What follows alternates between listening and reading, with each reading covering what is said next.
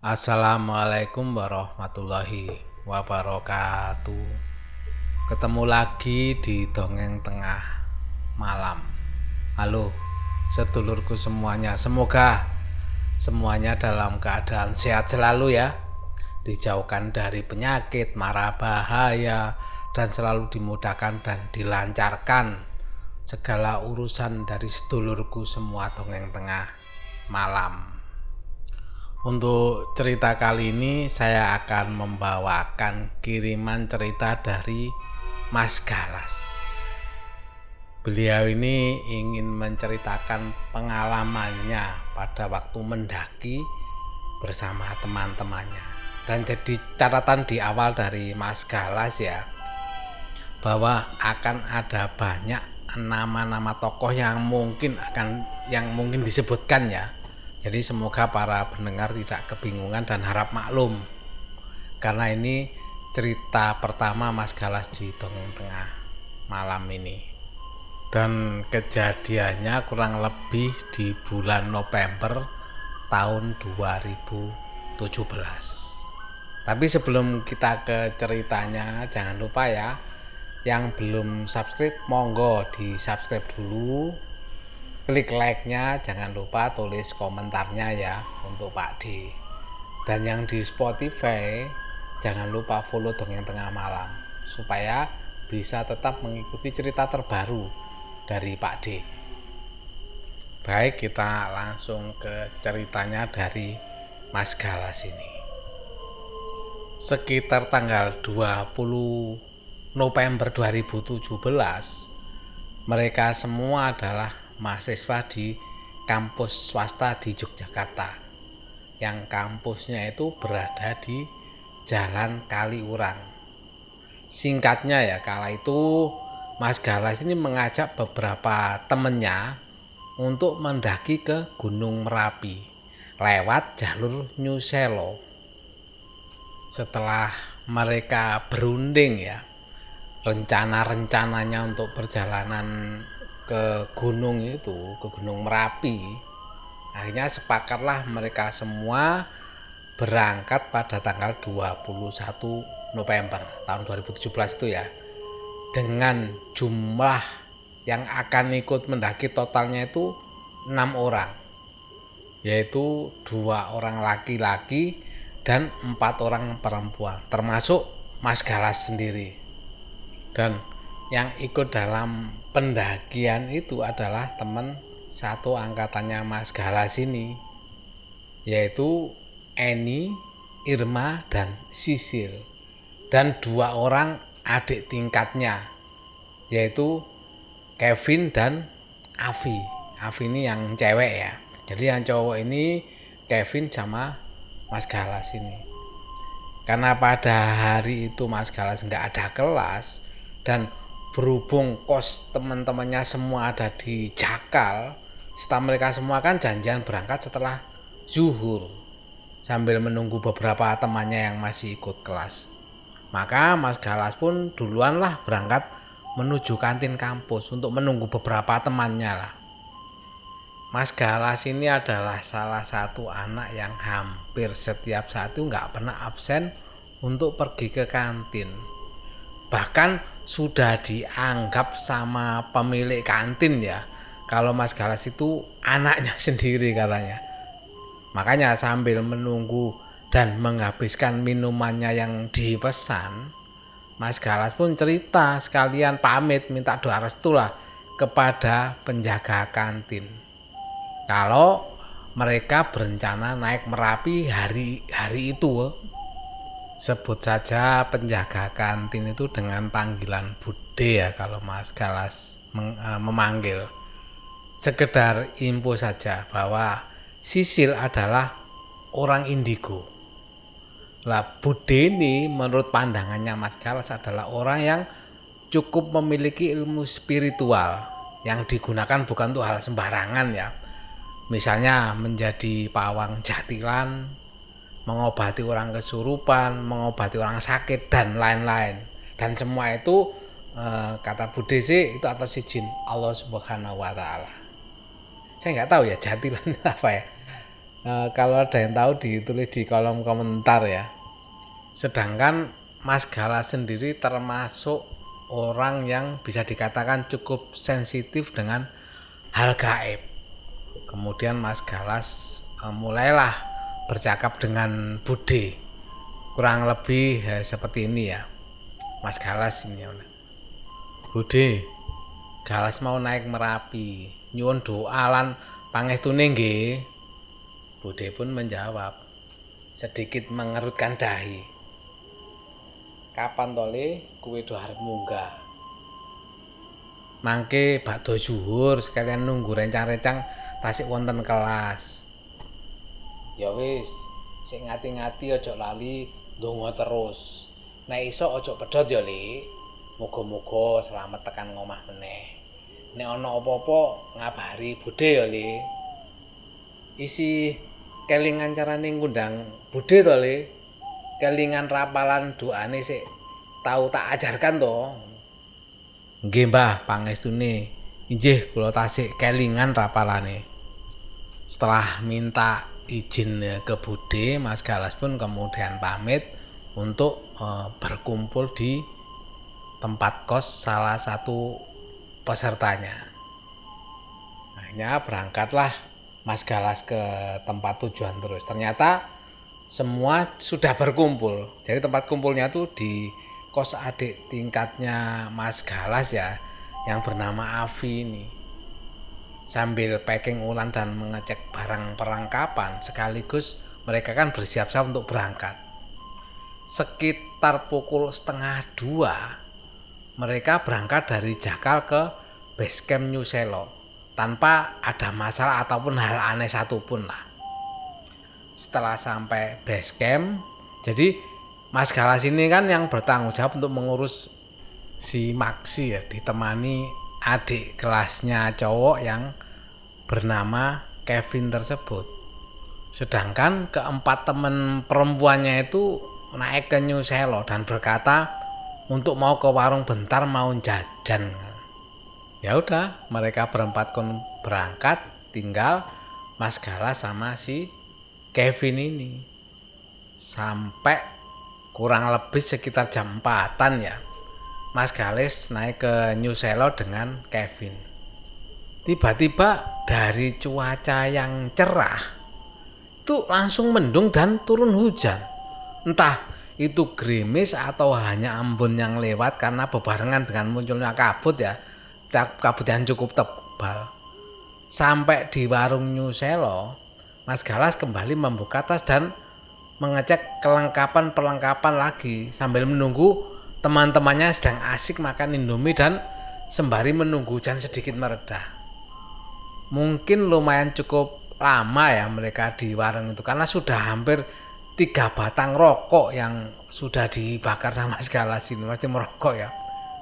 Singkatnya setelah semua selesai makan, mengobrol dan menunggu hujan cukup reda, Sisil dan Avi mengajak untuk memulai pendakian. Dan saat itu juga sebelum naik, Mas Galas ini mengajak mereka untuk berdoa terlebih dahulu dan menggunakan jas hujan ya, karena keadaan masih sedikit gerimis. Sekedar informasi. Jadi waktu itu mereka berencana mau ngecamp di area setelah melewati Watu Gajah.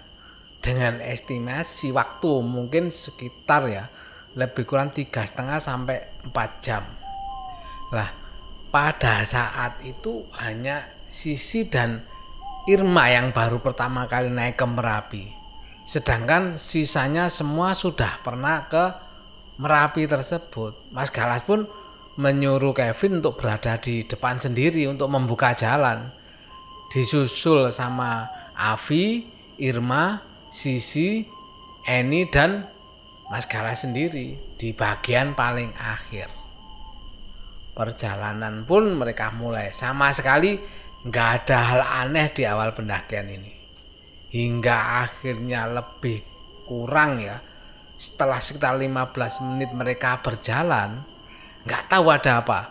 Tiba-tiba jantungnya Mas Galas ini seperti terasa madek gitu ya. Nggak tahu Mas Galas juga nggak tahu ada apa. Ternyata benar saja azan maghrib pun berkumandang. Dan Mas Galas melihat penampakan sosok itu nangkring di bagian pundak dan tengkuk sisil. Seperti yang sudah disampaikan di depan ya bahwa sisil ini kan termasuk salah satu anak indigo. Jadi Sisi sendiri tahu bahwa ada sosok yang nangkring di badannya itu.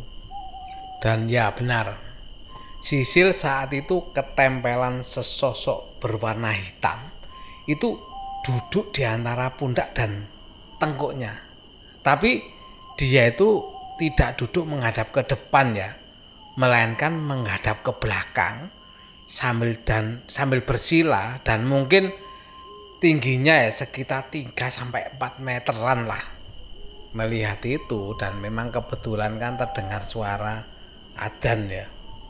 Mas Galas pun mengisyaratkan untuk break maghrib dulu. Dan Sisil pun menengok ke belakang sambil berkata Bang istirahat bentar ya. Ya sekalian break maghrib katanya Mas Galas. Bisa dilepas sendiri atau mau dibantuin? Gantian Mas Galas nanya nanya sama Sisil ini. Insya Allah dilepas sendiri kok Bang. Bentar ya. Ya santai aja sis masih mau lanjut atau gimana? Lanjut aja Bang. Insya Allah masih kuat. Dan dalam hatinya Mas Galang pun sempat menyesal gitu loh. Aduh kenapa? Tadi aku nggak lihat jam kalau udah mau maghrib. Aku mengiyakan aja ajakan mereka untuk naik. Karena naik mendekati maghrib itu emang kurang baik kalau menurutnya Mas Galas ini. Setelah sosok itu bisa lepas dan adan maghrib pun sudah selesai, Mas Galas pun mengajak yang lain untuk melanjutkan perjalanan.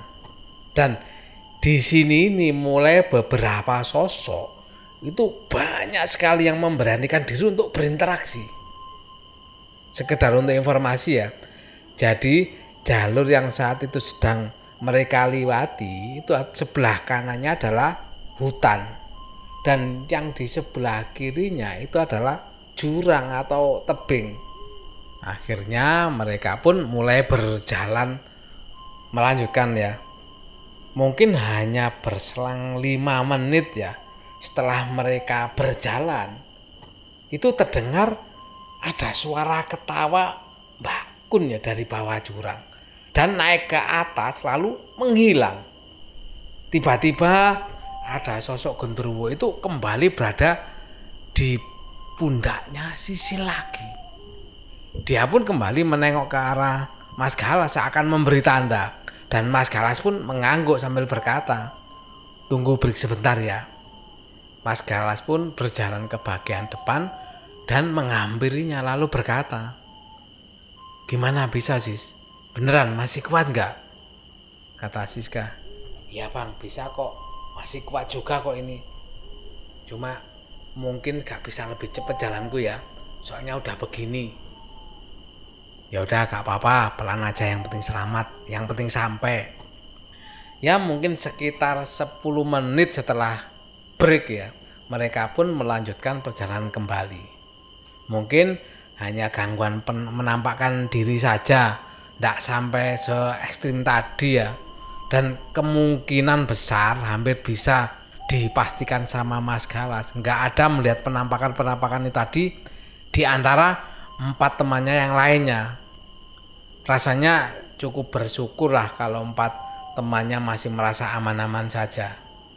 Nggak lupa Mas Galas pun berkata ke yang lainnya ya agar jangan pernah melamun dan pikirannya kosong ngobrol aja terus sambil baca doa di dalam hati. Singkatnya sekitar pas azan nisa atau setelah azan nisa agak lupa ya. Mereka sampai di pos 1 dan mereka pun beristirahat sejenak sekaligus e, menunggu azan nisa selesai baru mau melanjutkan perjalanan lagi. Di sisi lain, Mas Galas kan lagi melipat jas hujan dan menghidupkan rokok ya segera untuk menenangkan diri dan memikirkan yang menurutnya menjadi salah satu uh, kesalahannya ya karena melakukan pendakian menjelang maghrib persis. Setelah semuanya dirasa cukup, Mas Galas pun kembali mengajak teman-temannya untuk kembali melanjutkan perjalanan. Masih seperti di posisi yang sama. Di urutan pertama yaitu Kevin, disusul sama Avi, Irma, Sisil, Eni, dan yang terakhir adalah Mas Galas sendiri. Kali ini perjalanan dari pos 1 menuju pos 2 nggak ada yang aneh dalam perjalanan menuju pos 2 itu. Hingga singkat, singkatnya Kevin yang berada di posisi pertama berteriak. Pos 2 sudah kelihatan, itu tinggal di depan sana. Oh Kevin, katanya Mas Galas ya. Dan Sisi pun menoleh ke belakang marah kepada Mas Galas dan berkata, Bang, di pos 2 itu jangan lama ya. Hawanya udah mulai nggak enak nih. Ya, niatku paling cuma istirahat bentar, satu menit, dua menit. Ya, paling lama lima menit lah buat ambil nafas. Setelah sampai di pos 2 kurang lebih sekitar jam 9 malam ya. Mas Galas pun berkata, kalau istirahat di sini nggak usah lama-lama ya. Hawanya agak nggak enak di sini. Udah lima menit cukup ya untuk istirahat dan teman-temannya pun mengangguk tanda menyetujui ajakan Mas Galas itu. Lima menit sudah berlalu mereka pun kembali melakukan perjalanan untuk menuju daerah Watu Gajah. Tempat di mana mereka akan membuka tenda untuk camp ya. Urutan barisan masih sama. Teman-teman perempuan perempuan ada di antara Kevin dan Mas Galas. Di sini hawanya sudah cukup menandakan kurang bersahabat. Mereka meninggalkan pos 2 itu dibarengi hembusan angin yang cukup kencang dengan tempo yang cukup lama. Rasanya itu banyak sekali pasangan mata dari hutan dan semak kiri kanan mereka keluar mengantar kepergian mereka nggak berhenti berhentinya Mas Galis berdoa memohon perlindungan kepada Allah Subhanahu Wa Taala. Cukup lama perjalanannya kali ini rasanya hingga akhirnya Eni membuka percakapan dengan Mas Galas ini. Eni, Las, kita habis kelompati batu gede durung sih? Kok perasaan aku randelok goget mau ya? Maksudnya apa sudah melewati uh, watu gede? Kok perasaannya nggak ngelihat dari tadi? Watu gajah en. Durung kayak nih aku ya durung rumongso lewat kok. Jambiro emang saiki? Maksudnya itu belum en. Belum sepertinya. Mas Galas pun katanya belum merasa belum melihat lewat. Memang jam berapa sekarang jam 10 kilas Wis sejaman awak dhewe mlaku rong nemu lho. Sudah jam 10 ini sudah sejaman loh. Kita berjalan tapi belum menemukan. Ya wes sabar. Paling gelit mana tekan kok. Ya udah sabar, paling sebentar lagi nyampe kok. Mereka pun terus melanjutkan perjalanan untuk terus naik dari arah depan. Kevin pun memanggil, Mas, apa urung delok utawa lewat watu gede to iki Mas? Wis jam luwe awak dhewe iki leh munggah. Maksudnya Mas apa belum melihat atau lewat watu gede? Sudah sejam loh lebih kita naik ini durung win. Paling gelit mana tekan. Aku yo nyenteri kiwa tengen randelok tanda-tanda harap tekan. Watu gajah yoan maksudnya berum Oh, mungkin sebentar lagi karena Mas Galas juga menyorotkan lampu senternya kanan kiri tapi nggak ada anda tanda-tanda mau sampai Watu Gajah. Perjalanan mereka lanjutkan kembali dan jam sudah menunjukkan sekitar setengah sebelas malam. Tiba-tiba Mas Galas ini dikagetkan dengan trek melompat, entah itu jurang atau lubang intinya itu ada space sekitar satu meter panjangnya tapi nggak tahu seberapa dalamnya karena sudah nggak kelihatan lagi Di situ Mas Galas juga bisa melihat merbabu dengan jelas di bagian kanan trek persis. Mas Galas sampai bingung kenapa bisa mendapatkan view seperti ini. Karena seingatnya melihat merbabu harus sampai atas dulu. Sedangkan area mereka itu masih di hutan.